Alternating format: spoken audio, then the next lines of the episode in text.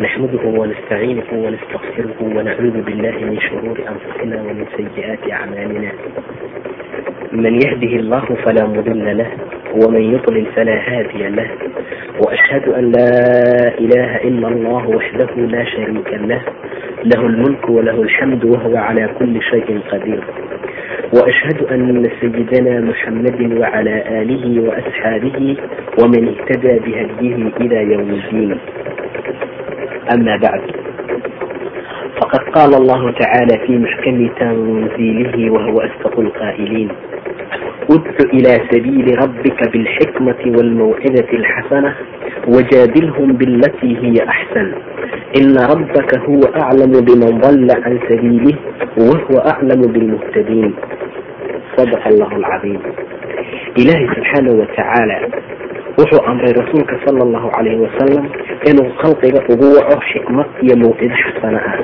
Rabbi wuxuu yidhi udcu ilaa sabiili rabbika.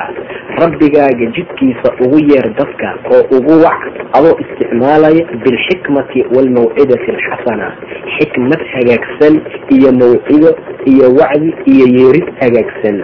Intaa kabacdi kulaboo dadka wajaadilhum bilatii hiya axsan wax allaala wixii ayadu hagaagsan oo wanaagsanna dadka kula dood ilaahay asagaa yaqaana midka dalaalka iyo baadida kaga sugan jidkiisa. Wuxuu kaloo alla og yahay dadka muhtadiinta ah ee markaa hanuunsano xaqa iyo daacada rabbi inay fuliyaan oy qaataan markaa rabaa. Sidaa darteed diinta islaamku waa diin ku salaysan xikmad iyo jadaal hagaagsan oo wacan. Kuma salaysna oo kuma dhisna xikmad la'aan. Xikmaduna waa shay aada iyo aada u cajiib badan waayo alle subxaanahu watacaala qof allaalo qofkii xikmad uu siiyo waxa uu siiya khayr fara badan. Waman yu'ta alxikma faqad uutiya khayran katiir kii xikma la siiya buu yihi ilaahay waxaa la siiyey xikma waxaa la siiyey khayr aad iyo aad markaa u fara badan. Waxaanu ka hadlaynaa caawa saddex arrin. Arrinta koowaad oo aan ka hadlaynaa waxay tahay habka dadka diinta loo gaarsiiyo. Waxa ay tahay waxaan kaloo ka hadlaynaa dooda islaamku uu qabo iyo habka loo doodi karo. Arrintu ay tahay waxaan ka hadlaynaa oo saddexaad dooda dhibaatada ay leedahay haddii aysan ku salaysnayn sida ilaahay uu sheegay subxaanahu watacaala saddexdaa qaybood ayaanu ka hadli doonaa caawa. Haddii ilaah yidhaahdo qodobka koowaad oo aan rabno inaan ka hadalno waxa ay tahay habka aan u gaarsiin karno dadka diinta. Waayo mujtamaca waxaa laga helayaa mujtamac aan rabbigood ogolayn. Waxaa laga helayaa qolo ilaahay iyo rasuulkaba aan ogolayn waxaa laga helayaa qolo kaslaan iyo caajis ay ka hor istaagsan tahay inay diinka raacaan. Waxaa laga helayaa qolo aan dhegna u dhigaynin nufuusta alla subxaanahu watacaala khulaas alkalaam dadku waxay isugu dhex jiraan dad aad iyo aad u fara badan. Nebina mala soo saarin ilaa waxa uu soo raaci jiray ari sida rasuulka uu sheegay sala allahu calayhi wasalam sababta ama xikmadda nebi walba loo raacsiiyey erig wuxuu yahay arigu xoolaha kale waa ka dhibaato iyo rafaad iyo shiddo iyo celcelin badan yahay marka qofka nebiga noqonayana wuxuu la kulmayaa mujtamaca dhibaato fara badan ayuu kala kulmi doonaa. Sidaa darteed ayaa tadriib iyo tababar ahaan wuxuu nebi kasta alla u raacsiiya qanamkaas ama xoolaha ariga la yidhaahdo si uu u adkaysto uu u sabro waayo dad ayaa loo diri doonaa oo la rabaa inuu mugdi ka saaro oo la rabaa in baatil ay ku jiraan uu ka bixiyo oo la rabaa in rafaad iyo dhibaato ay ku sugan yihiin uu ka hor istaago. Dadkuna waa dad isugu jira. Qolo aan ilaa ogolay aan soo tilmaanay. Waa dad isugu jira. Qolo rususha caysa. Waa dad isugu jira. Dad xaqa si fiican u qaadanaya iyo kuwa aanba ogolayn xaqii dadku saasay isugu jiraan. Marka nebi haddii uu u adkaystay ama uu ka soo baxay takaaliiftii ari raaca ama qowsaarnimada ariga uu ku raaci jiray bani aadamka inuu diinta gaarsiiyo way ku sahlanaanaysaa markaa. Marka xikmadda arrinta koowaad ee dadka diinta loo gaarsiinayo waa xikmad alla uu sheegaya subxaanahu watacaala udcu ilaa sabiili rabbika. Rabbigaaga jidkiisa ugu yeer dadka bilxikmati waalmawcidati alxasana buu yihi ilaahay adiga oo xikmad isticmaalayo adigoo mawcido xasano ah isticmaalayo labadaa waa shuruuda ugu horayso oo qofka diinka loogu wacayo aasaaskii asal markaa u ah qofku hadduusan xikmad lahayn mawcidadiisana mawcido xasano aysan ahayn si kasta uu diin u barto iyo wax walba uu yaqaano ma suurageli karto in uu dadka xaqa gaarsiiyo xumaantan uu markaa ka reebo. Waa arrinta koowaad. Sababtu waxay tahay dadka marka la rabo in xumaanta laga reebo xumaantooda ma dhexgelayna anaka? Jawaabtu waa maya waxa ay samaynayaan ma la qasanaynaa? Jawaabtu waa maya. Ma isku kalifaynaa in xumaantan ay ku jiraan oo marka ay sameeyaan hadal anagu aan sheegnay ay ku sii siyaadiyaan xumaanta. Jawaabtu mayay noqonaysaa nebi maxamed sala allahu calayhi wasalam haddaan qudwo loogu samaysan oo loogu dayan diinta islaamka gaarsiinteeda ku camalfalkeeda dadku waa hoogayaan mana dhici karto mana la gaari karo. Wakti dadka laga haraad bixiyo diinta annaguna aan ka haraad baxno. Sababtu waxay tahay sala allahu calayhi wasalam maalin asaga oo fadhiya masjidka saxaabadu ay la fadhiyaan jaa acraabiyun nin heerbaadiye ah ayaa masjidka rasuulka ugu soo galay. Ninkii acraabiga ahaa meel geed ah oo masaajidka ka mid ah yuu alaabtiisii inta uu ku soo baxsaday kaadin la fadhiistay sida xadiiska saxiixa uu tilmaamay salawaatullahi wasalaamun calayh. Rasuulku goobjoog ayuu ku yahay masjidka. Saxaabadu goobjoog ayay ku yihiin masaajidka. Ninkan acraabiga ahna kaadi ayuu la fadhiistay masjidka fasajarahu nnaas dadkiibaa hororay oo markaa canaantay oo ka sajriyey oo ka celiyey oo mataqaanaa damcay inay ka reebaan ku baakoor la soo orda ku ul la soo orda ku qaylo madaxa la dhigta koo mataqaanaa naxdin iyo qaylo isku dara arrintii saxaabadu heerkaa ayay gaartay rasuulka sala allahu calayhi wasalam wuxu uu ku yidhi saxaabada asagoo la hadlaayo laa tusrimuuh ha ku goynine laa tusrimuuh ha ku goynina ay laa taqdacuu calayhi bawla. War maskiinka kaadida ha dhamaystee ka aala oo dhaafa hana ku goynina. Markii sidaa la yiri oo la dhameeyey oo kaadidiisii uu dhammaystay uma dacaa bidalwin min maa rasuulku wuxuu u yeertay wadaan biyo ah fa subba calayh kolkaadaa kaadidii lagu kor shubay salawaatullahi wasalaamu calayh waa camaliya wuxuu ku sameeyey rasuulka camaliyad hagaagsan. Acraabigii kaadidii waa dhammaystay. Faraha looga qaaday lalama hadlin min awal markuu kaadidii dhammaystay oo meeshii uu ka istaagay intaan lala waramin ka hor yuu rasuulka islaax sameeyey.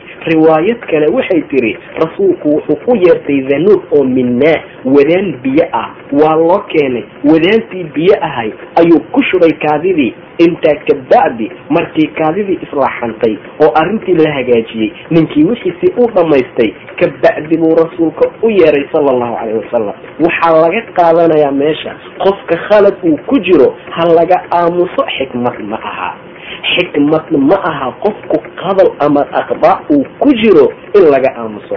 Balse xikmadu waxay tahay qof kastaa sida xumaanta looga daaweyn karo in looga daaweeyo.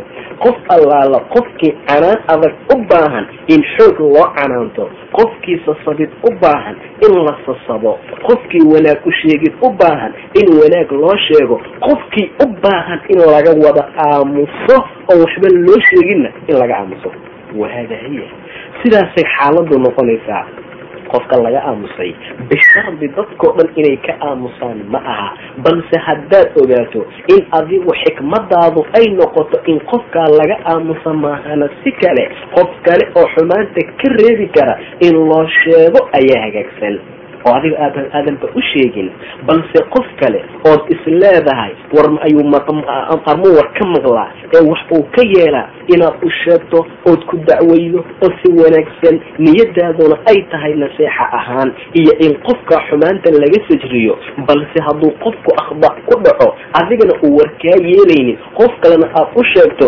niyadaaduna ay tahay inuu ku ceeboobo markaa waad ku fadax samaynaysaa adiga oo waxay kugu noqonaysaa aafinnimo iyo dembi. Marka rasuulka sala allahu calayh wasalam acraabigii ayuu u yeeray. Markaasuu yidhi dhegayso meeshaan masaajid waaye ma loogu talagelin akhbaarta iyo wasakda dadka in la keeno balse waxaa loogu talagalay tasbiix iyo tadkiir iyo in rabbi la xuso iyo in daacada alle lagu xoojiyo iyo in salaada markaa lagu tukado ee arrintaa ogow ayuu yidhi sala allahu calayhi wasalam ninkii markii salaada la galay yuu salaada gudaheeda ku yidhi allahuma kfir ana wa muxammed ilaahu dembi dhaaf oo u naxariiso ani iyo nebi moxamed keliya walaa tarxam macanaa axad qof kalena ha u naxariisanin.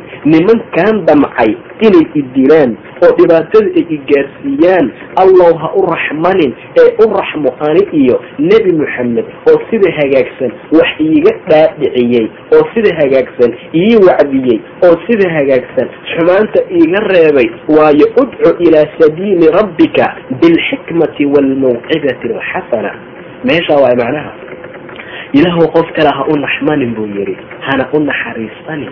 Salawaatullahi wasalaamun calayh. Waa nebi moxamed keliya.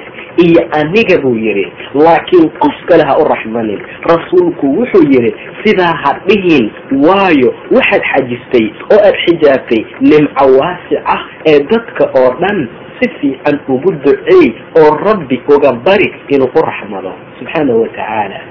Maalin kale ayada oo salaadii lagu jiro facaqasa rajul nin baa ku dhex hildhisay salaada gudaheeda. Markuu hildhisay ayuu yidhi alxamdu lilah nin kale oo salaada ku jiray ayaa yidhi yarxamuka allah waana qalab salaada gudaheeda haddii qof hindhiso alxamdulilah wuu dhihi karaa. Laakiin haddii alxamdulilah uu yidhaahdo salaada gudaheeda yarxamuka allah lagu dhihi maayo ninkaa laakiin yarxamuka allah buu yidhi yarxamukallah buu yidhi dadkii ayaa waxay guda galeen inay indhaha ku taagayaan ninkii sidaa yeelay maca daalika waxaan idhi buu yidhi wa askala umayaah hooyooyinkooda ha waayaane ee maxay iisoo fiirfiirinayaan markaasay guda galeen inay sacabaha ku tumayaan cajarooyinkooda. Inaan si fiican ula hadla ayaan damcay buu yidhi laakiin kolkaan ogaaday inay aamusinayaan waan iska aamusay. Falamaa sallaa rasuula allah sala allahu calayhi wasalam markii nebiga uu tukaday fa biabii huwa wa ummii hooyaday iyo aabbahay ayaan ku furanaye maa ra'aytu mucalliman qablahu walaa bacdahu axsana tacliiman minhu. Ma arkin buu yidhi macallin ka hore kana dambeeyo kana wanaag badan xagga tacliimta asaga xaggiisa. Fawallahi maa kaharanii walaa darabanii walaa shatamanii salawaatu ullahi wasalaamun calayh.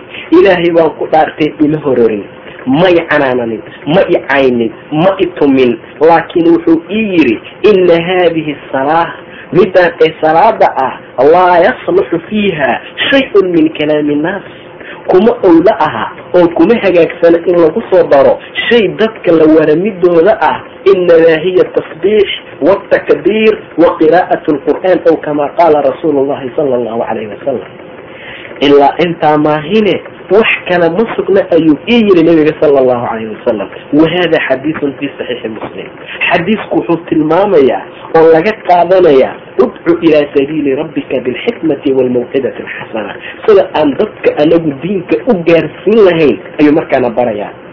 Ambiyada haddaan dib ugu noqono nebi muuse calayhi salaam oo loo soo diray jabbaarkii fircoon ahaa nebiga ilaah wuxuu ku yidhi waa nebi muuse iyo walaalkii haaruun ahaa. Wuxuu ku yidhi faquulaa lahu qawlan layinan lacalahu yatadakkar aw yakshaa lacalahu lacalahu yatadakkaru aw yakshaa allah subxaanahu watacaala haafil kama aha mana ilowsana xaqiiq bayna u tahay fircoon inuusan waana qaadanaynin cabsanayninna balse muxuu u yidhi nebi muuse iyo nebi haaruun qawlan layin ku iraahda lacalahu yatadakkar aw yakshaa waxaa loola jeedaa nebi muuse iyo walaalkii haaruun waxaa la rabaa takaaliifta la saaray.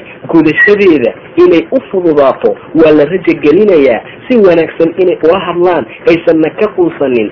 Waayo qofka qofka loo diro ama uu rabo inuu la hadlo marka uu rajo fiican ka qabo inuu xumaantii ka foqaayo kama caajisayo. Hadallada waa u macaynayaa laakiin haddii quusasho ahaan uu ugu tago waxaa dhici karta hal mar si xanaaq inuu markaa kula hadlo saasaa dhici karta marka nebi muuse iyo fircoon ayaga nebi muuse iyo walaalkii haaruun ayaga oo la rajagelinayo loona baahanya inaysan ka quusanin iimaanka fircoon yuu ilaahay yihi faqulaa lahu qawlan layin.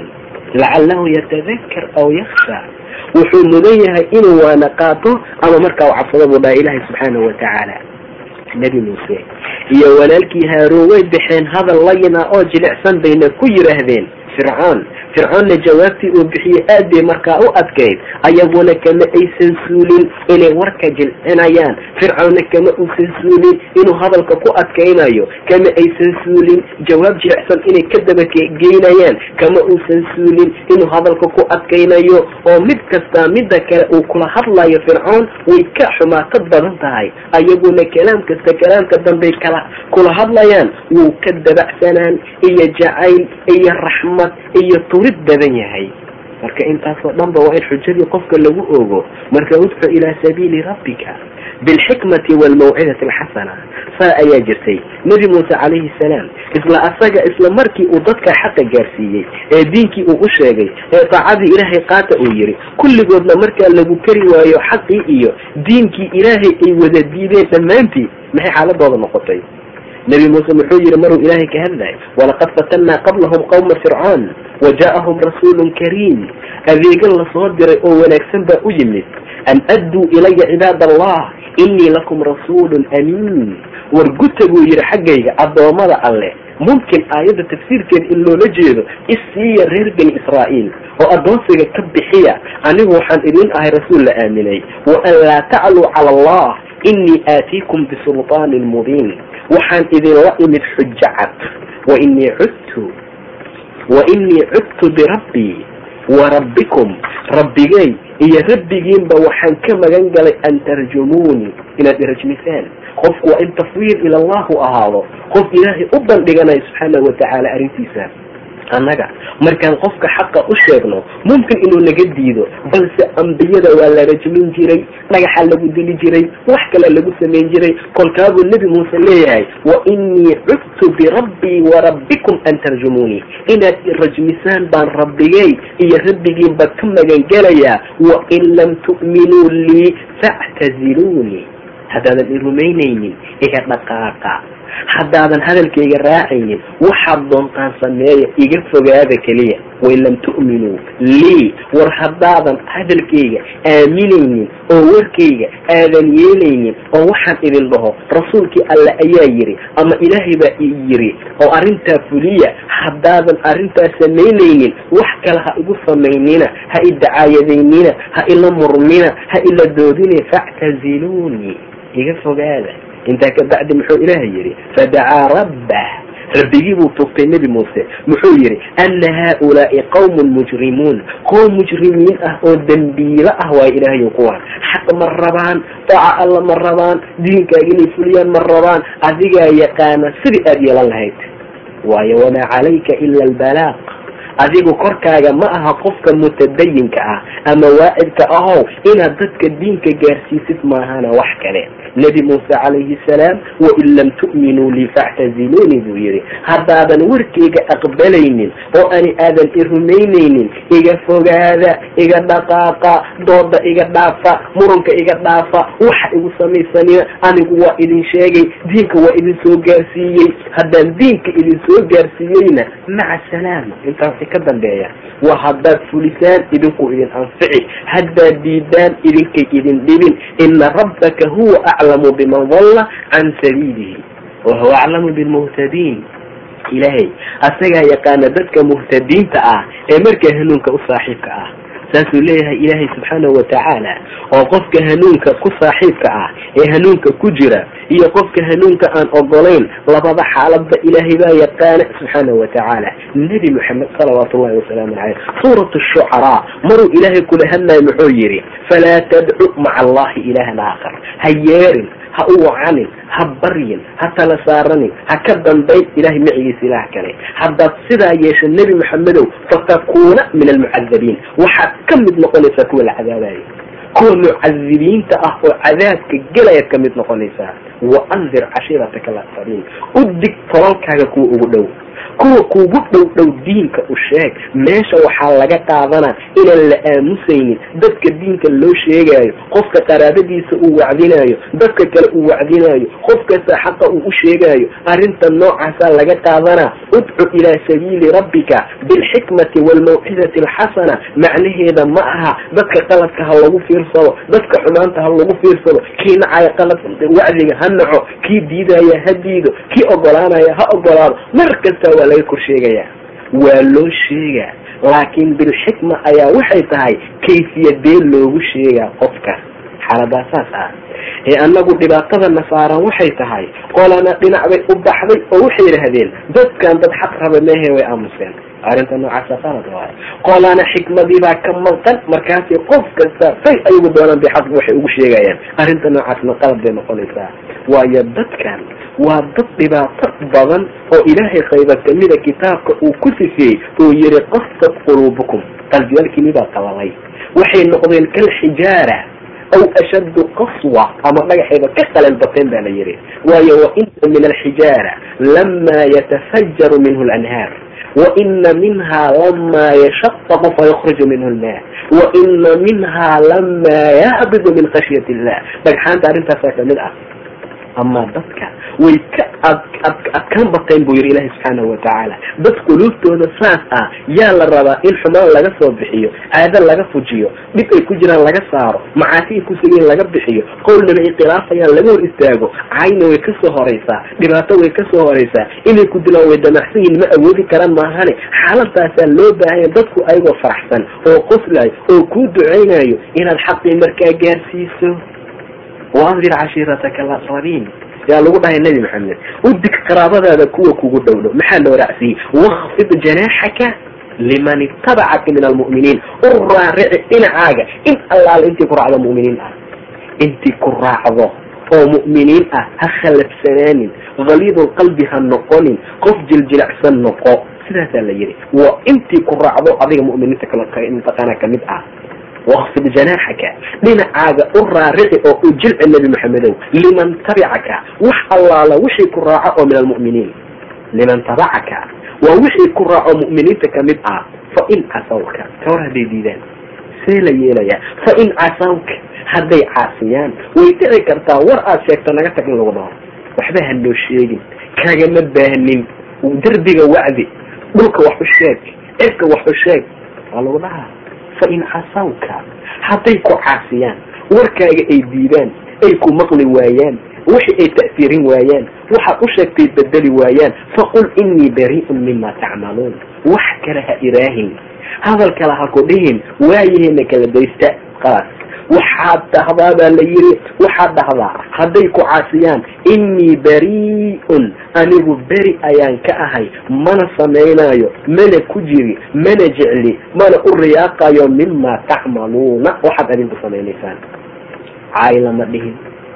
Dhib kala gaarsiin lama dhihin furaha qaad buu yihi sal ilahi subxaanahu watacaala haddayba ku caasiyaan soo maaha.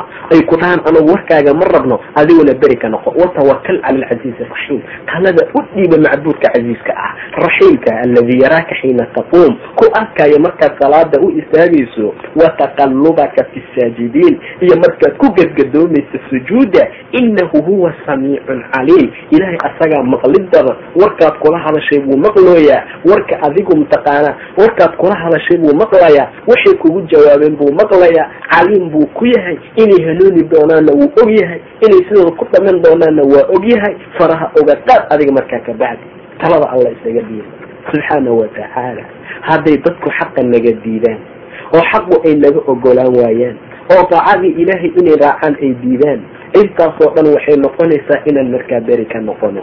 Fa casawka hadday ku caasiyaan faqul inii barii'un mima tacmaluun anigu beri ayaan ka ahay. Wax allaala waxaad camal qabanaysaan sidaa ku dheh buu yihi ilaahay subxaanahu watacaala wabilxaqiiq haddii xikmadu saa ay ku socoto waa la hagaagsanaan waana la wanaagsanaan ilaahay diinkiisana dadka waa gaari. Kabacdina wanaag iyo qiimaa la heli. Maca dalika buu rasuulka sala allahu calayhi wasalam in fara badan dadka uu kaga hadlay xikmad inay dadka markaa diinka ku gaarsiiyaan. Xikmad in markaa dadka diinka lagu gaarsiiyo. Laba wiil oo yar yar ah. Sida qudooyinka qayb ka mid ay qorayaan.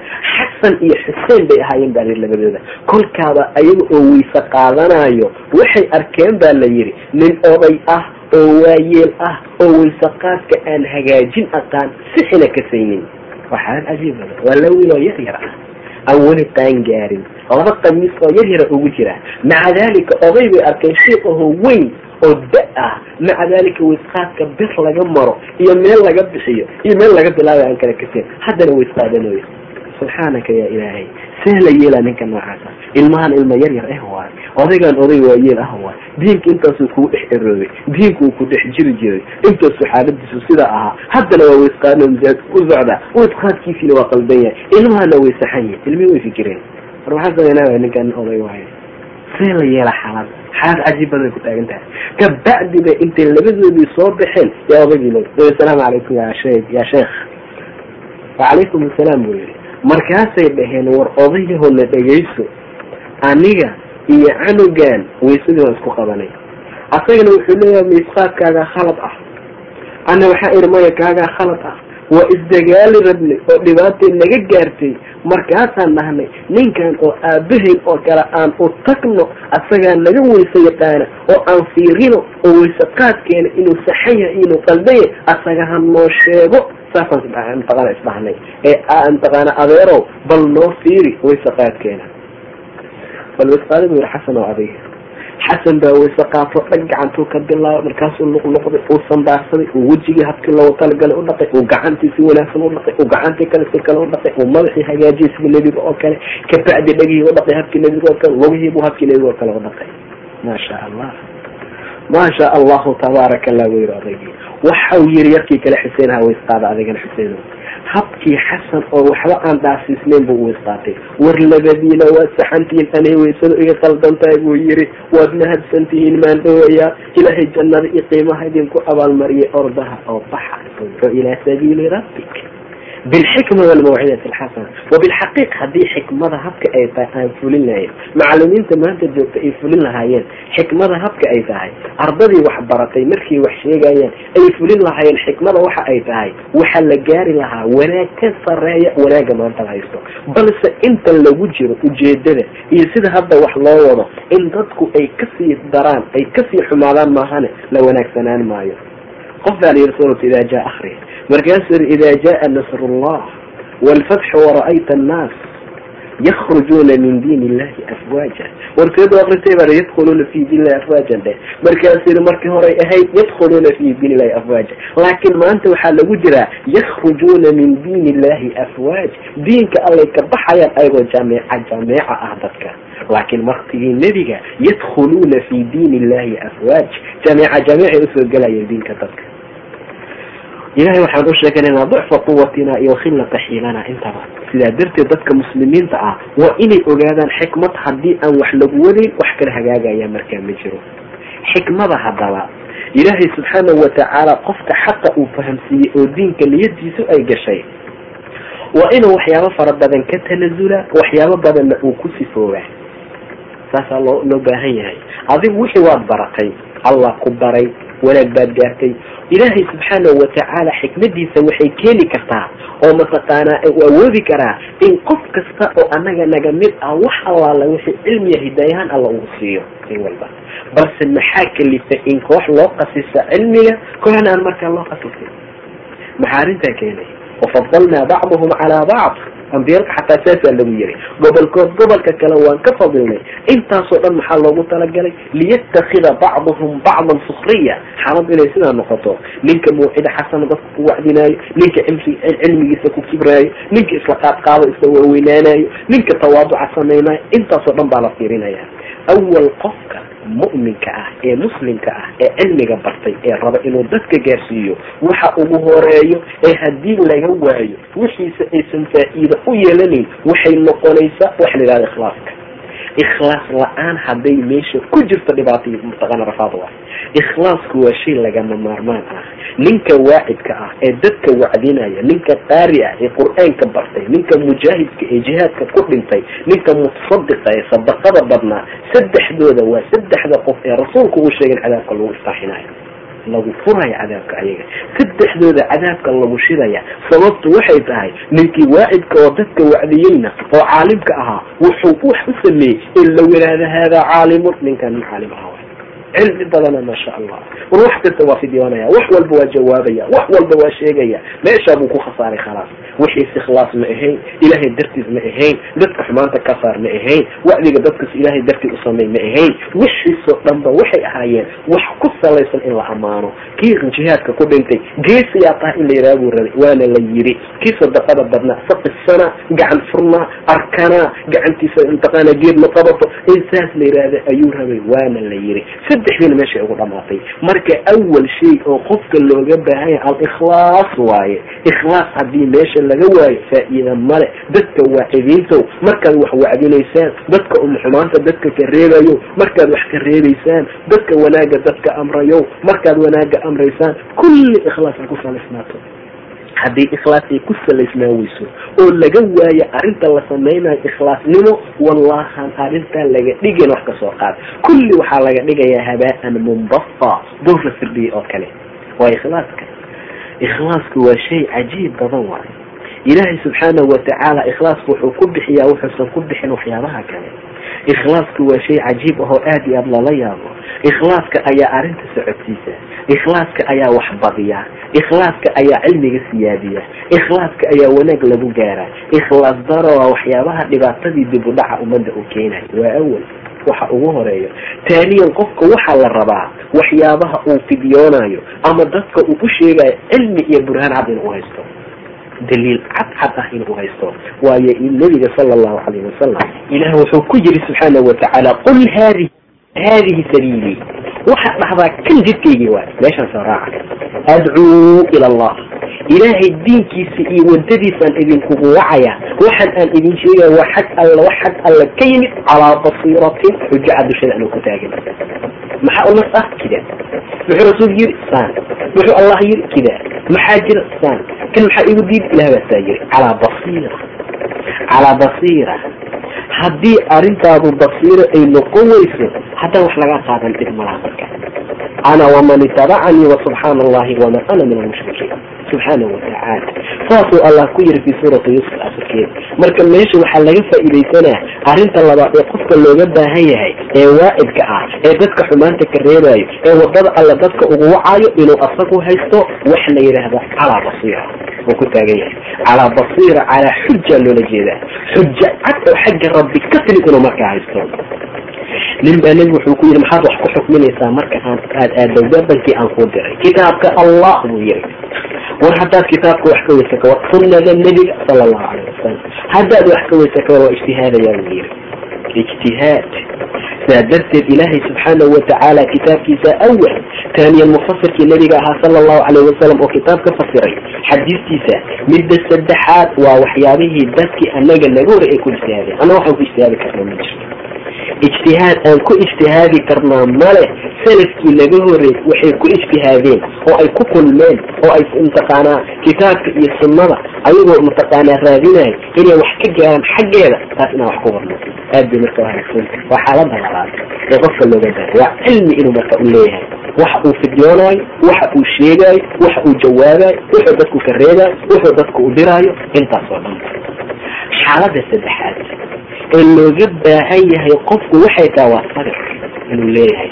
Haddii qofka sabir laga waayo faa'iida male luqmaan alxakiim markuu canugiisa waaninayay ilaahayna subxaanahu watacaala kitaabka uu nooga waramay wuxuu yidhi yaa bunaya aqim asalaat wa'mur bilmacruuf wanha can ilmunkar wasbir calaa ma dhib kasta oo kaa soo gaara utul u dulqaado ina dalika limin casmi lumuur umuurta midba la doortaa sabirka ah waa waayo haddaadan sabir lahayn yaa dad geerdadbiin gaarsiin kartaa indhaha lagaaga candhuuftufaya salawaatullahi wasalaamu calayh. Waa ku soo marnay siirada gobol markii aan marayni gobolna intay candhuuf uga tuteen nebiga gobolna ay dhibaato gaarsiiyeen gobolna madheer ee dusha ka saareen gobolna ay damciyeen madaxa uga istaagaan salawaatullahi wasalaamu calayh maxaan isku aniga maxaa sida yada hadduu dhawo meesha uu ka tago sabir la'aan arrintu ay noqoto. Wax kala soconayo markaa ma jiro. Adigoo xaqa haysto oo kitaabka ilaahay ku dhegan oo qof waxaad ka reebta oo nuscad u leeya bax intaqaanaa hanoo sheegin anaga hanoo sheegin meeshas intaqaanaa ku hadal. Sabirkaa loo baahanya. Haddaan sabir lalahayn wax ma la gudan karo. Haddaan sabir lalahayn diigan kor ma noqon karo. Ambiyadu sabir bay heerkaa ku soo gaarsiiyeen diintu heerkan waxay ku soo gaartay adkaysi iyo sabir ay sabreen intaqaana ambiyaalka. Ambiyadu sabir ay sabreen bay meeshaa ku soo gaartay.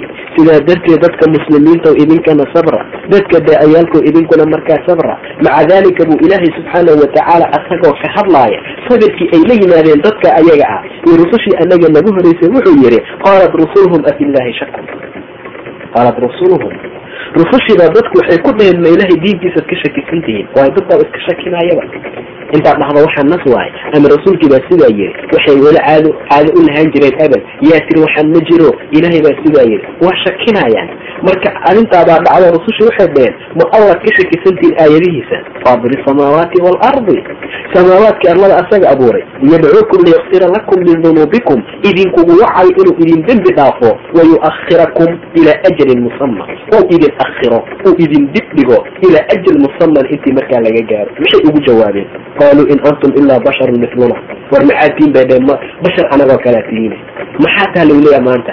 Waxaa iska dhigaysaa mataqaana nin culimo ah ama wax yaqaano ama qof kida ah waa lagu yasa waa lagu liida waxbaa lagu sheega waa caqliga bani aadamka. Waxay ahayd qof allaala qofkii hal xadiis ama hal aayad sheega in la tacdiimiyo oo la qadaro oo ku camalfalkiisa lagu degdego. Cali bin abi taalib wuxuu yihi ninkii hal xaraf ay ka siyaasado kaadib ama sirta cabdan addoon baan u noqonaya isaga sababto wuxuu waxay tahay wuxuu kaa saaray mugdi wuxuu kaa wuxuu kuu saaray iftiin wuxuu kuu sheegay aay aayadaha alle. Subxaanahu watacaala sidaa darteed bay nimankaan dhaheen isagoo ilaahay nooga hadlaya suuratu ibraahim gudaheeda ma tihin adinkii laa bashar anagoo kale maahane turiiduuna an tasaduuna camaa kaana yacbudu aabaa'una. Waxaad doonaysaan inaad naga leexisaan dhaqankii aabayaalkeen waxay aabayaalkeen ku dhaqmi jireen fa'tuuna bisulqaanin mubiin xujo cad la imaada ayib haddii sidaa lagu yihahdo xujo cad la imoo lagu dhaho oo mataqaanaa shardigii labaad ee hadda aan soo tilmaanay mataqaanaa ee hadda aan soo tilmaanay ee ahaa in basiiro aad haysato haddaadan haysan maxaad ku hadlaysaa marka? Waa ma jirto. Fa'tuuna bisulqaanin mubiin qofka asagoon xaqdoon ahayn oo inuu wixii ku camal fala aan rabin buu xujo ahaan kaaga dhigaya xujo cad markaa la imo. Fa'tuuna bisulqaanin mubiin qaala lahum rasuuluhum rusushu maxay dhaheen marka? In naxnu ilaa basharun milukum war anagu bani aadam idinkoo kale ayaan nahay. Walaakina allaha yamunu calaa man yashaa. Laakiin rabbi baa gallabaystaa qof allaala qofkii uu doono addoomadiisa ka mid ah wamaa kaana lana an na'tiyakum bisulطaan ila biidni illah annagu suldaan iyo awood iyo xujo oon idinla imaan karnaa ma jiro ilaa idinka alla maahane. Wacala allahi falyatawakal ilmu'minuun alla dushiisana mu'miniinta hatala saarato wamaa lana ألا نتوكل على الله وقد هدانا سبلنا ولنصبرن على ما آذيتمونا ولنصبرن على ما آذيتمونا وعلى الله فليتوكل المتوكلون maxaan u kala saara la'nahay anaga dheen ilaahay asagoo jidkiisii lagu hanuuniyey annaga oo jid toosan aan ku hanuunsannahay kii nagu soo raacaya ha nagu soo raaco kaan nagu soo raacin yuu nagu soo raacin? Intaan wax sheegi karna waa sheegayna. Ninkii wax naga qaadanayo ha naga qaato kaan naga qaadanin ammaan hana siiyo. Kii xaqan raba ha soo raaco. Walanasbiranna calaa maa aadaytumuuna. Dhibka aad nagu haysaana waan isaga sabrayna. Wacala allahi falyatawakal ilmutawakiluun wacala allah falyatawakal ilmutawakiluun marka waa ujeedada saddexaade qofku waa inuu sabir markaa leeyahay. Sabir inuu markaa leeyahay. Xilmi iyo aanaadna waa loo baahan yahay. Dulqaad. Qofka uu dulqaad yeesho markaa diinta aa gaarsiinayso yaynan kaa gaari heeraad markaa quusato. Laakiin xilmi lahaw rasuulku nin buu ku yidhi ina fiika kislatayn laba waxyaabood baa kugu sugan alla uu jecel yahay alxilmu waalaanaad waay waa deganaantii dabacsanaanta sidaa darteed sidee dadka diinka loo gaarsiinayaa? Ha loo gaarsiiye habkii nebiga dadka u gaarsiiyey sala allahu calayhi wasalam habkii nebiga xaqa uu u gudan jiray ha loo guto. Habkii xaqa loo sheegi jiray ha loo sheego. Arrima noocaas oo kale ah rasuulka sala allahu calayhi wasalam waxaan la soconaa bidaayadiisa.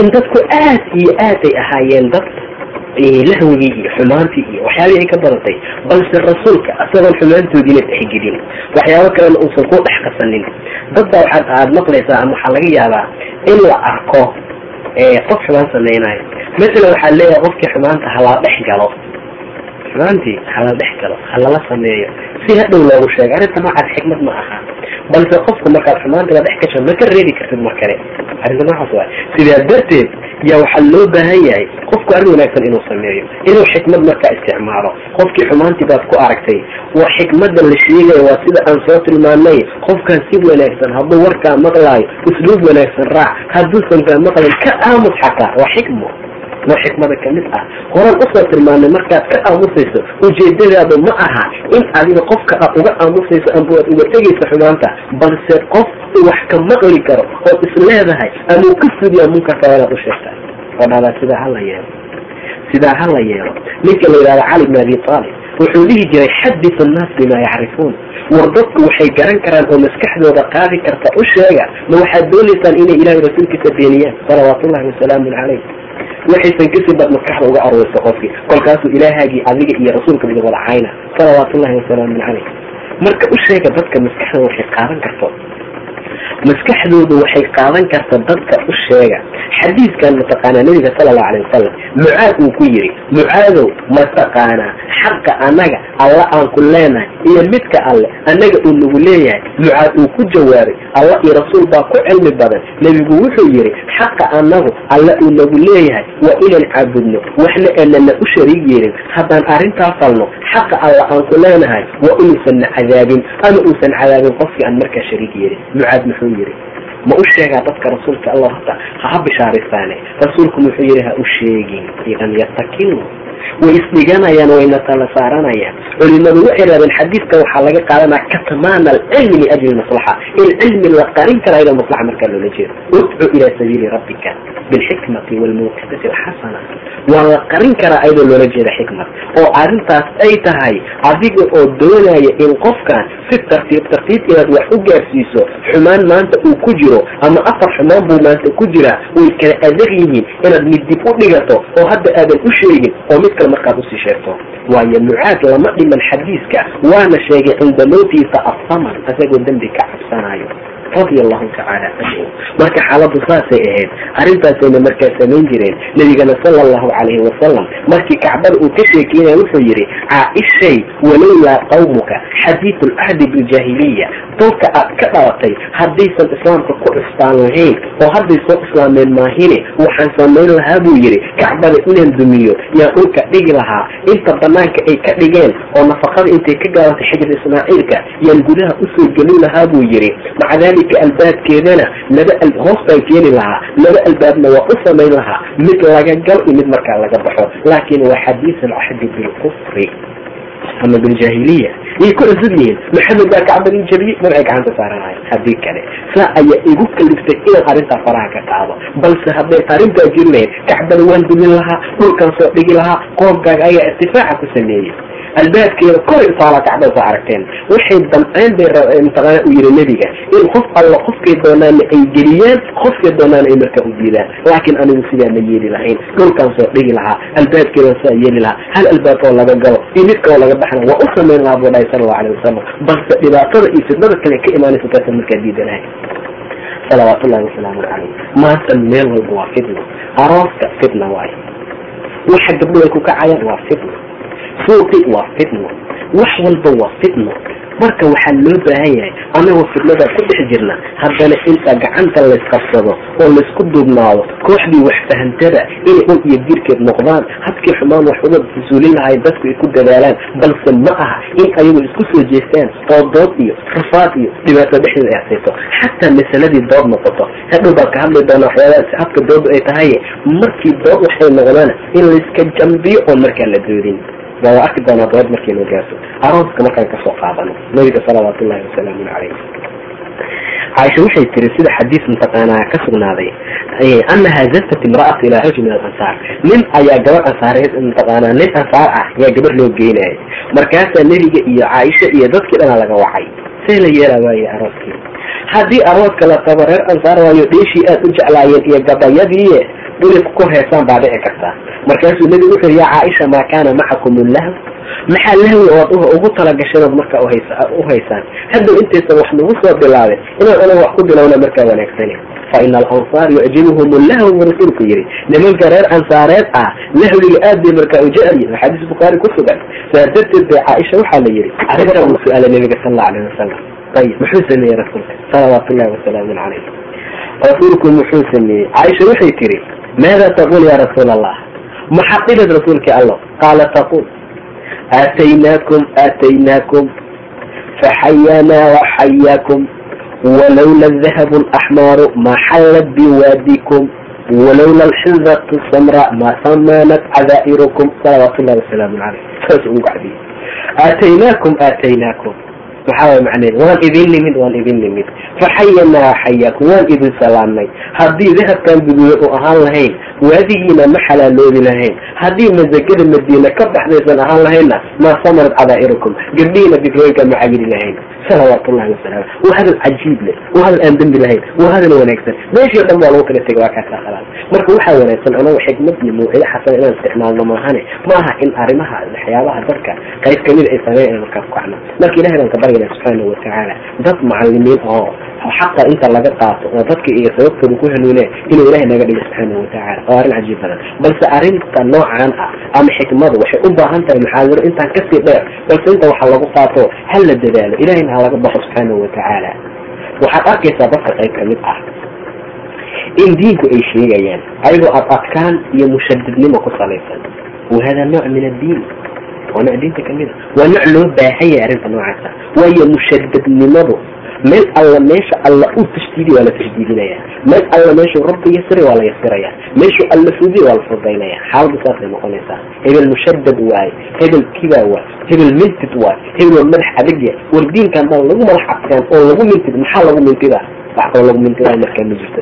Sidaa darteed ayaa waxaa loo baahanya qofku mintidnimada laftigeeda inay ku salaysaato xikma mawcida xasana waayaa yaxya khudi lkitaaba biquwa yiri ilaahay yaxyow kitaabka ad adkaan iyo firfircooni ku tahay yaa bani israaiil markaasaa markuu ilahay ka hadlaya muxuu yiri u soo sheekeynaya khuduu maa aataynaakum biquwa waxaan idin siinayna quwa iyo ad adkaan iyo firfircooni ku qaata buu dhaha ilahay subxaanahu watacaala waa nooc ka mid ah waxyaabaha ilahay dadku amray subxaanahu watacaala laakiin ayaga laftigooda dadka waxaa loo baahan yahay makaankii alla uu fuday waa la fududaynaya. Makaankii alla uu xooji waa la xoojinaya. Makaankii alla adabeyka ugu talagal waa la adkaysiinaya. Xaaladda saas waa xaaladda saasay noqonaysaa. Ee macnaha ma aha in diinkii iyo dhan iyo meel kastaa mushadidnimo loola isticmaalo. Mid allaala meeshii mushadidnimo loogu talagalo qof looga naxariisanayo markaa ma jirto. Meeshii dayacsanaa islaamka ugu talagalo dayacsanaan bay noqonaysaa. Qofkii adkay aasin buu ku noqonaya sidaa darteed rasuulku lama khiyaar gelinin laba amar ilaa haddii la khiyaar gelin wuxuu dooran jiray midka aysarka ee markaa sahlan. Midka sahlan ayuu markaa dooran jiray salawaatu ullahi wasalaamu calayh maa lam yakun isman. Haddaysan dembi ahayn hadday dembi noqoto kaana abcad annaasa minhu. Midka dadka uga dheeraasho badan oo ka dhaqaasho badan buu ahaa. Salawaatu ullahi wasalaamu calayh marka udcu ilaa sabiili rabbika. Bilxikma walmawcida xasana. Akhwati fillah in la isticmaalo xikma iyo mawcida xasana waa shay lagama maarmaan ah oo meesha markaa ku jirta. Haddaan u gudubno qodobka labaad oo ah jidaalka iyo dooda habka loo doodo iyo dooda maxay tahay? Islaamka uu baneeyey wajaadilhum bilati yaxsan jidaalka iyo dooda noocaasa waa la baneeyey waa min ixtaaj minhum. Ilaa manzila wa jidaal falyakun bilwajhi lxasan birifqin walayin ayadoo markaa ku dheehan. Saasaa markaa la rabaa. Marka la doodayo laftigeeda doodu hadday noqoto iska celi hebel waa mashaakil laakiin dooda waa inay noqoto doon dood aqoon isweydaarsi ah waxna lagu kala qaadanayo war weligiin waxaad ogaataan haddii qof uu ku yidhaahdo haati bisultaan ama xujo la imood hadalka uu ku hadlaayana ay ka tahay cinaad iyo madax adayg iyo inuu xadiiskii aad sheegto xadiis kale uu kor saaro ama sheeko kale uu soo kor saaro arrinta noocaasa dood ma aha balse munaafiqnimo waay. Qofka noocaas oo adkiisa sayana yaan lala doodin in laba dooda mamnuuc bay noqonaysaa waayo wajaadilhum bilati hiya axsan ilah muxuu aayad kale ku yihi walaa tujaadiluu ahla lkitaab war ahlu kitaab doodooda faraha ka qaada hana la doodina ilaa bilati hiya axsan midda wanaag badan maahane ila aladiina dalamuu minhum marka meesha waxaa laga qaadana in ilaahay uu amrayo subxaanahu watacaala bilayin iljanib kama amara bihi muusa wa haarun calayhim asalaam markii fircoon loo diraayo aan soo tilmaamay faqula lahu qawla layman lacalahu yatadakar aw yaksha ina rabbaka huwa aclamu biman dalla can sabiilihi wahuwa aclamu bilmuhtadiin. Intaas ilahay baa kala yaqaanaa subxaanahu watacaala ilahay asagaa kala yaqaana dadkan xaqa diidayna inaan naqsadeena ku ilxaaxino oon ku dhigno oo qoomamo iyo murug ay naqsadeena la baaba'do maxay xijaabka u qaadan waaye iyo maxay diinkan u furin waaye iyo amarkaa rasuulka lamre maxay u raaci waaye arrintaa ma aha. Waa ilaahay asagaa yaqaanaan qof allaala qofka hanuunka iyo wanaagga mataqaana asaga u cuntama qofka asagu markaa aan baadida mataqaana dushiisu ay tahayna ilahay asagaa yaqaana inaka laa tahdi man axbabta lagu soo dejiyey. Laysa calayka hudahum walakina allaha yahdi man yashaa baa lagu soo dejiyey. Meesha waxaan ka qaadanaynaa takaaliif xoog badan inaan nala saarine dusheenu ay tahay in dadka diinka aan gaarsiina keliya marka dooda la doodi karo waa doodii wax lagu kala siyaadsanayo. Saxaabadu way doodi jireen saxaabadu way doodi jireen. Doodoodu waxay ahayd dood ku salaysan ilahay diinkiisa subxaanahu watacaala wajaadilhum bilati hiya axsan arrintaasa markaa lagu doodi jiray. Marka arrintaa ayaa lagu doodi jiray. Cabdillahi bni cabaas iyo nin kale saxaabiya waxay ku doodeen nebi muuse muuse calayhi salaam. Khadir markuu la hadlayo muuse reer bani israa'iil waa iyo ma aha taasaa markaa lagu dooday. Nin saxaabiya akhbaar loo diray. Ninkii saxaabiga ibnu kacab baa ka sheekeeyey. Sida xaaladda marka ay tahay khalaas waa lagu wada qancay markuu ninkan leeya xaaladda saas ma aha. Wuxuu ula jeedaa asaga cilmi siyaasi waaye. Inuu wax siyaadsadu rabaa. Markii wixii u maqaday intuu dhab dhaho iyo arrintii qaadan jiro ka faa'iidaysan jiray. Laakiin anagu dood taagan. Isdifaac haddii xaaladdu noqoto markaa mashaakil bay noqonaysaa. Dooda islaamku uu ogolaaday. Waa doodii wax lagu kala faa'iidaysanayo.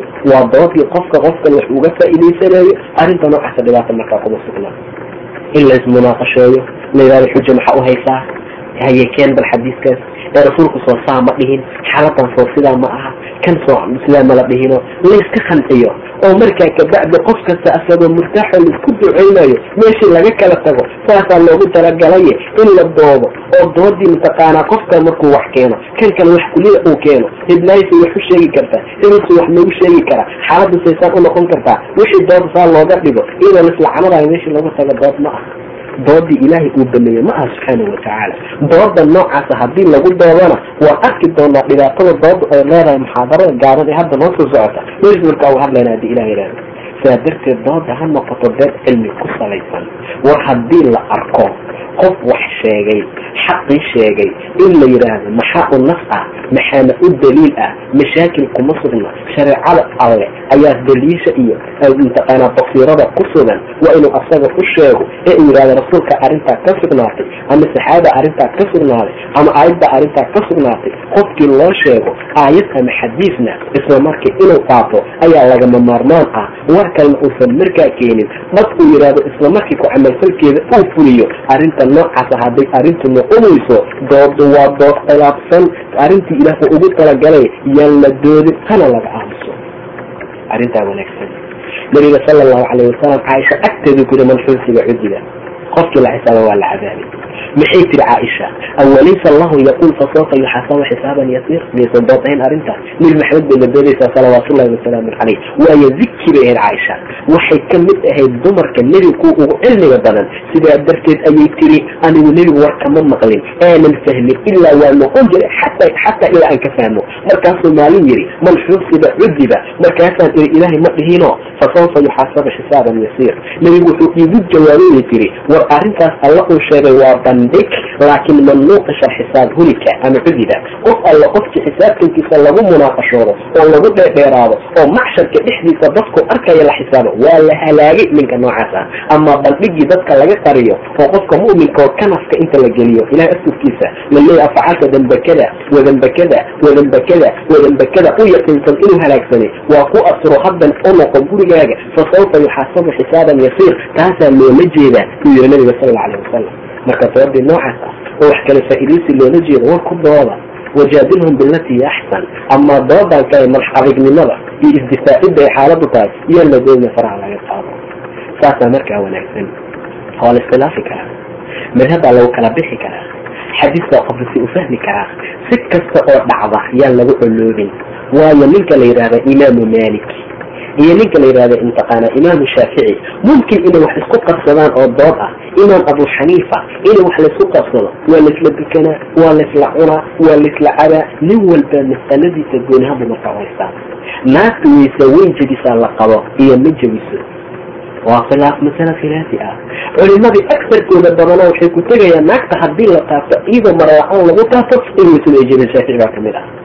Maca dalika macalinkiis arrintaa ku khilaafsan yahay wax iskor imaad ma jiro wax dooda ma jiro wax lagu fiisanaya ma jirto wax toban sacbee lagu gaaraya male nin walba masale buu sidaa u arkay.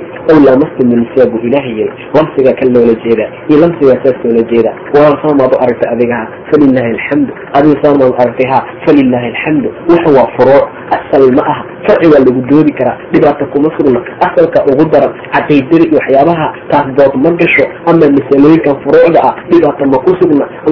Culimadii hore iyo saxaabadii iyo kulli waa lagu wada doodi jiray. Nin kastana naska mataqaana haddii uu haysto iyo haddii mataqaana si kale ay noqoto horta wixii nas loo hayo ma lagu kala doodi jiray. Laakiin fahamka waa waxyaaba markaa lagu doodayo caaisha radiallahu canha waxay qabtay in ilaahay uusan arkin nebi maxamed sal allau alayh wasalam habeenkii la dhelmiyey cabdullahi ibnu cabaas wuxuu leeya u arkay nebiga xabrul umma ummadana dhan caalamkeedii waayo allahuma fiqa fi diin wacallimhu ta'wiil buu yiri nebiga. Ilaahay fasiga sii fiqinimada ta'wiishana bar. Wuxuu leeyahay ilaahay waa arkay subxaanahu watacaala dhelmintii markii la dhelmiyey nebiga. Caaisha waxay leedahay? Nin alla ninkii yidhaahda ilaahay baa arkay nebi maxamed uu soo arkay ma habeenkii la dhelmiyey been midda ugu been badan buu sheegay.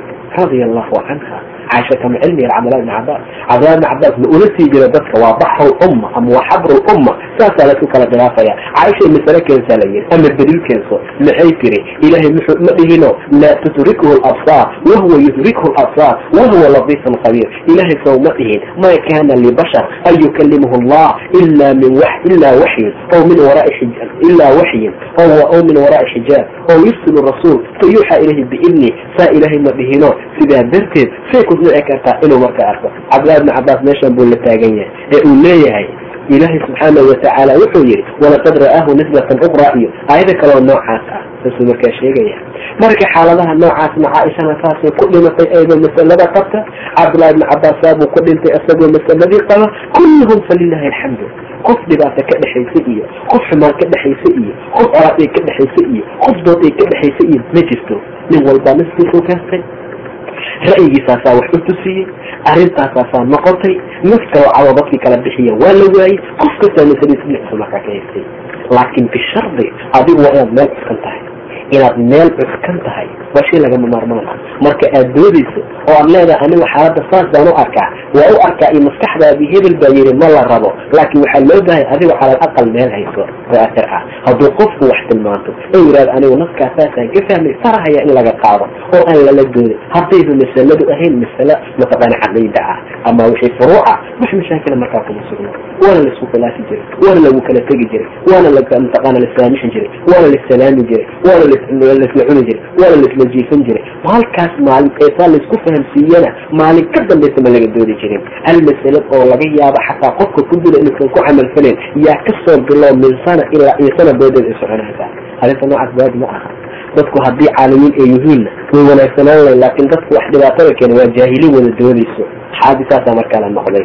Nin imaamyada ka mid wuxuu yihi anigu nin jaahil ah lama dood ilaa waa iga adkaaday nin caalim ahna lama dood ilaa anaa ka adkaaday buu yihi waa ninka caalimka faqih waa waa yaqaanaa muwasanada iyo dooda meesha lagu xir iyo meesha ka bilaabtuu yaqaanaa amaa jaahil muxuu ka saaya reegogogo waa kugu soo maanta o dhan wuxuu aniga iska celi xel buu markaa kugu jiraaye ama sidaa yee ama ka dababax ama intasaa ka yee jaahil lama doodin buri ilaa waa iga adkaaday ninka jaahilka ah. Caalimna lama doodin ilaa anaa ka adkaaday waa hadal qiimo badan hadalka noocaas ah. Caalimiin baa doodee juhala ma doodo. Haddii dadku aa aragto inay doodayaan dooduna ay gu'i weyso dadka noocaasa kulluhum juhal waa dhammaan wada jaahiliin laakiin dadka caalimiinta ah way doodaan doodoodoo xad iyo wakti bay leedahay. Meel bayna markaa ku ekaataa. Waana laga salgaaraa sidaa darteed dooda way bannaan tahay waa la doodi karaa. Laakiin doodu ha noqoto dood cilmiyeysan markaa ku sugan qaybta saddexaad. Ee aan ka hadlayno waa dooda cawaaqib xumida ay leedahay. Dooda sideedu aad bay uxun tahay.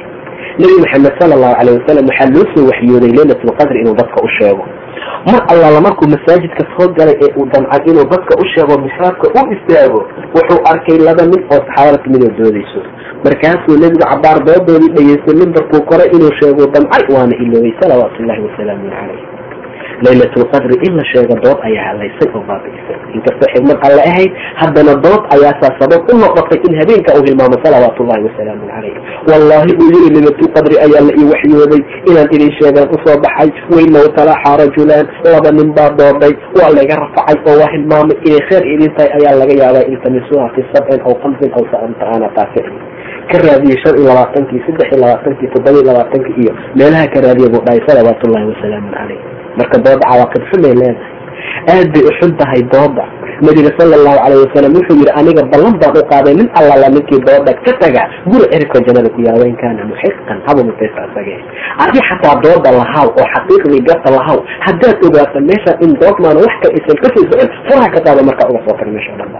Saasay noqonaysaa. Ilaahay nebigiis wuxuu ku ballan qaaday guri ku yaalla rifqa aljanna liman taraka miraan wain kaana muxiqan haba mutaysta isaga doodee waana zaciimun baytun fi wasta aljanna liman liman taraka alkadib wain kaana naasixan ninkii beenta ka taga haba kaftamaaye waxaan u ballan qaaday guri ku yaal dhexdhexaadka jannada waana zaciimu baytun fi acla aljanna liman xasuna khuluquhu ninka dabeecadiisu wanaagsanaato maxaa dabeecad fiican aan leenaha maanta kulligan mujaadiliin baan nahay kulligan mujaadiliin baan nahay. Qof kasta qofkana markaa la doodaya. Dooduna maa dood waxay kala faa'iidaysanaya sidaa darteed doodu waa qiimo xun tahay. Wax faa'iida ay leedahayna markaa ma jirto. Sidaa darteed in faraha laga qaado oo faraha lagala baxo arrintaasa markaa wanaagsan. Doodu dadkay kala geysaa dooda duntay dishaa. Dooda horumahorkac ma keento. Dooda dadka isku dirtaa. Doodu cuqdad iyo balaayo iyo dhibaatay dadka ku salida ay ku abuurtaa sidaa darteed ayaa hagaagsan dood oo dhanba in markaa laiska wada xiro. Meeshay markaa ku timaadaba. Meel allaala meeshii ay ku timaadaba in dhammaan faraha lagala qaado. Dooda dood daa'im ah oo socota. Ilaahay subxaana watacaala raali kama noqonayo haddii aan wax lagu kala faa'iidaysanayn oo wax laysaga maqlaynin ama isdifaac dooda noqoto dooda noocaasa qiim ay leedahay markaa ma jirto. Ummad hadday doodana fitan fara badan baa dhexdeeda ku sugnaanayso ummad hadday diinka ku doodo waxay noqonaysaa in rafaadka dhibaata meesha la gaarayo. Waana calaamadaha aqoonsamaanka markaa lagu yaqaano xadiiska tilmaamay ikhtilaafu lumma ikhtilaafu ummati raxma. Ummadeeda iska hor imaadkooda iyo doodooda intaasoo dhan ba waa xadiis daciifa waxba aan ka jirin waay. Kulli wax ka sugnaaday markaa ma jirto. Sidaa darteed dooda waa fitno dooda waa dhibaato dooda waa rabsho dooda waa diinta xiirtaa doonta muslimiintay garageysaa dooda wax qiimaa ma keento dooda garkii rafaad bay keentaa. Sidaa darteed yaan la doodin waxa la barto diinka lagu dadaalo kucamalfurkiisa lagu dadaalo masaladii dood noqotana faraha lagala baxo. Dhammaan nin walba fikradiida fikradaada fiiri haddayn masaladu ahayn masalad caqiidaasaan soo tilmaanay nas u raadso nas haddaad u hesho ku camalfal haddaadan ku nas u helinna da maa yuriibuka ilaa maa laa yuriibuka ka tag wax alla wixii ku shaki geliyaa waayo qofku ma gaarayo darajada ugu sarayso ilaa uu ka tagay shay aan dhibaato lahayn isagoo ka digtoo shay dhibaatada inuu markaa ku dhaco ilaa uu ku dhaco asagoo markaa ka digtoon ilaahay subxaanahu watacaala waxaan ka rajaynaynaa inuu naga dhigo dad wan wanaagsan oo daacada ilaahay marka haddana diintan u nisbo sheeganay dad diinka ilahay fuliya subxaanahu watacaala doodan faraha badan ee maanta jirtana inuu rabbi meel nooga yasiro ayaan marka rajaynayna wallaahi arki maayo doodan socota ilaa fitna inay tahay maahan wallaahi arki maayo gabdhaha xijaaban ee xijaabka wata inay ku fidnoobayaan mahana wax kale. Wallaahi arki maayo diinta sare u socota inay ku dhibaatoobayaan mahana wax kale. Sidaa darteed qof kastoo hadoodin ilaahayna ka baq subxaanahu watacaala doodana xir oo waxaa lagaa rabaa hadalkaagana ha yaraado ku camalfalka diintaadana ha badato. Aquulii qawlii hada waastaqfir allahu lii walakum walisaa'iri lmuslimiin